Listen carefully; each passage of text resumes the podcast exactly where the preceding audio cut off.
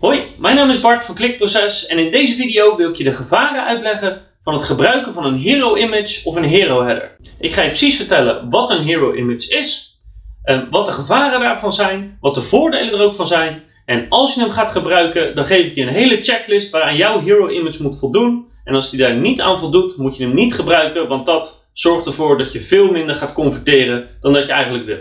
Nou, wat is een hero header? Dat is meestal een schermvullend beeld, waarbij of rechts of links een afbeelding staat.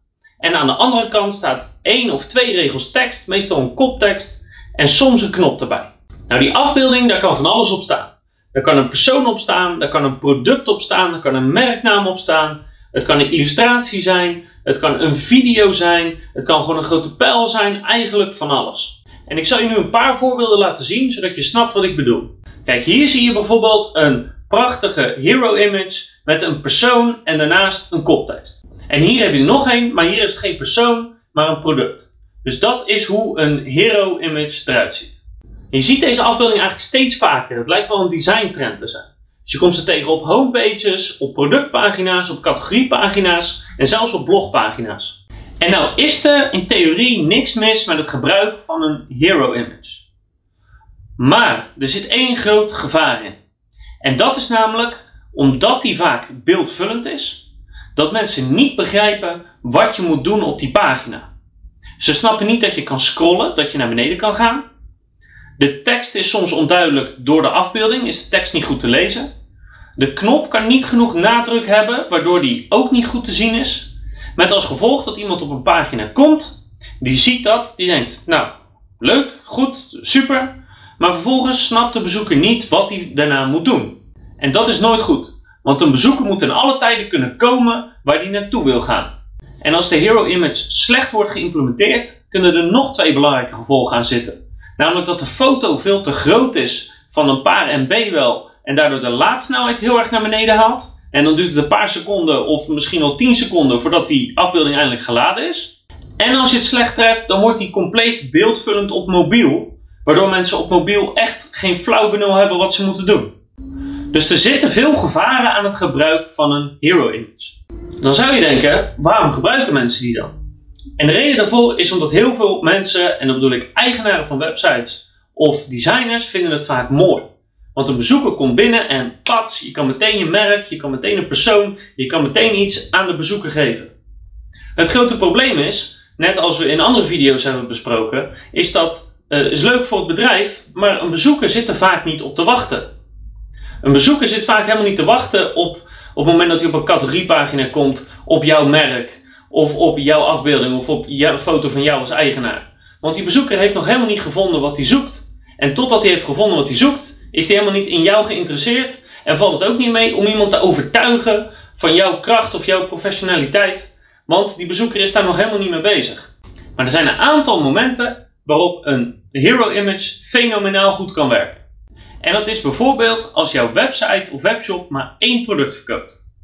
En daar bedoel ik niet mee een advocaat die meerdere rechtsgebieden heeft, dat is al te veel. Maar als je echt één product hebt, één cremmetje, één dienst, één stukje software, één rapportage, één ding.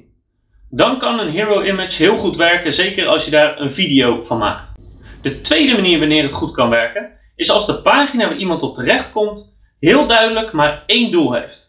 En dat betekent dat die afbeelding, die koptekst en die call to action, als die allemaal goed leesbaar zijn en heel duidelijk zijn, dan kan het een bezoeker duidelijk sturen naar die ene knop waar die op moet klikken. Waar de bezoeker op wil klikken en waar jij wil dat ze op klikken. Dus dan kan het ook goed werken. Maar dat gebeurt niet vaak, want bijna altijd heeft een bezoeker meer informatie nodig dan maar één koptekst en een afbeelding om ergens op te willen klikken.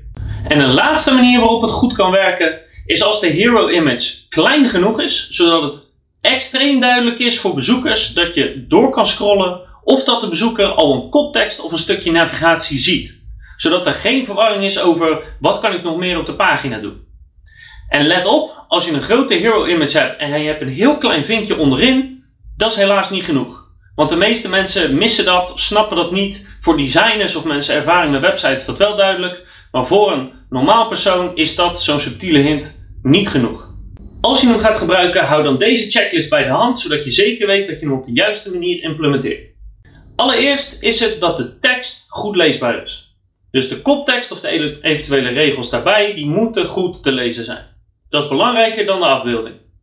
Daarnaast moet de call to action knop heel erg opvallen. Wederom is dat eigenlijk het eerste waar je wil dat mensen de aandacht op richten. Daarnaast moet de afbeelding ergens op slaan. Het moet dus niet een willekeurige blauwe lucht van een stokfoto zijn. Nee, het moet echt een foto zijn die aansluit bij het product of de dienst wat je wil verkopen.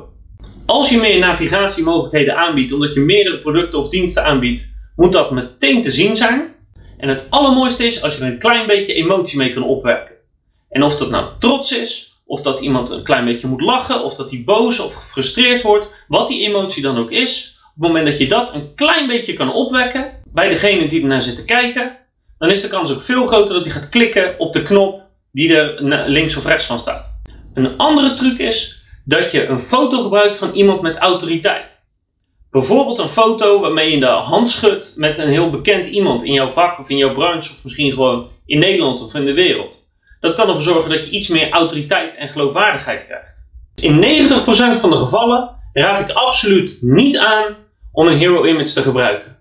Net als een slider is het iets wat leuk eruit ziet, maar in de praktijk vaak niet goed werkt. Maar als je hem toch gebruikt, dan zit alles in de uitvoering wat gaat bepalen of hij het gaat doen of niet. Denk er dus heel lang en kritisch over na voordat je hem gebruikt. Dus nu is mijn vraag aan jou. Heb je een hero image op je site of ben je van plan er te gaan gebruiken? Weet je zeker dat hij dan goed is? Heb je hem gecheckt? Ik wens je heel veel succes met het inzetten van je hero image als je het toch gaat doen.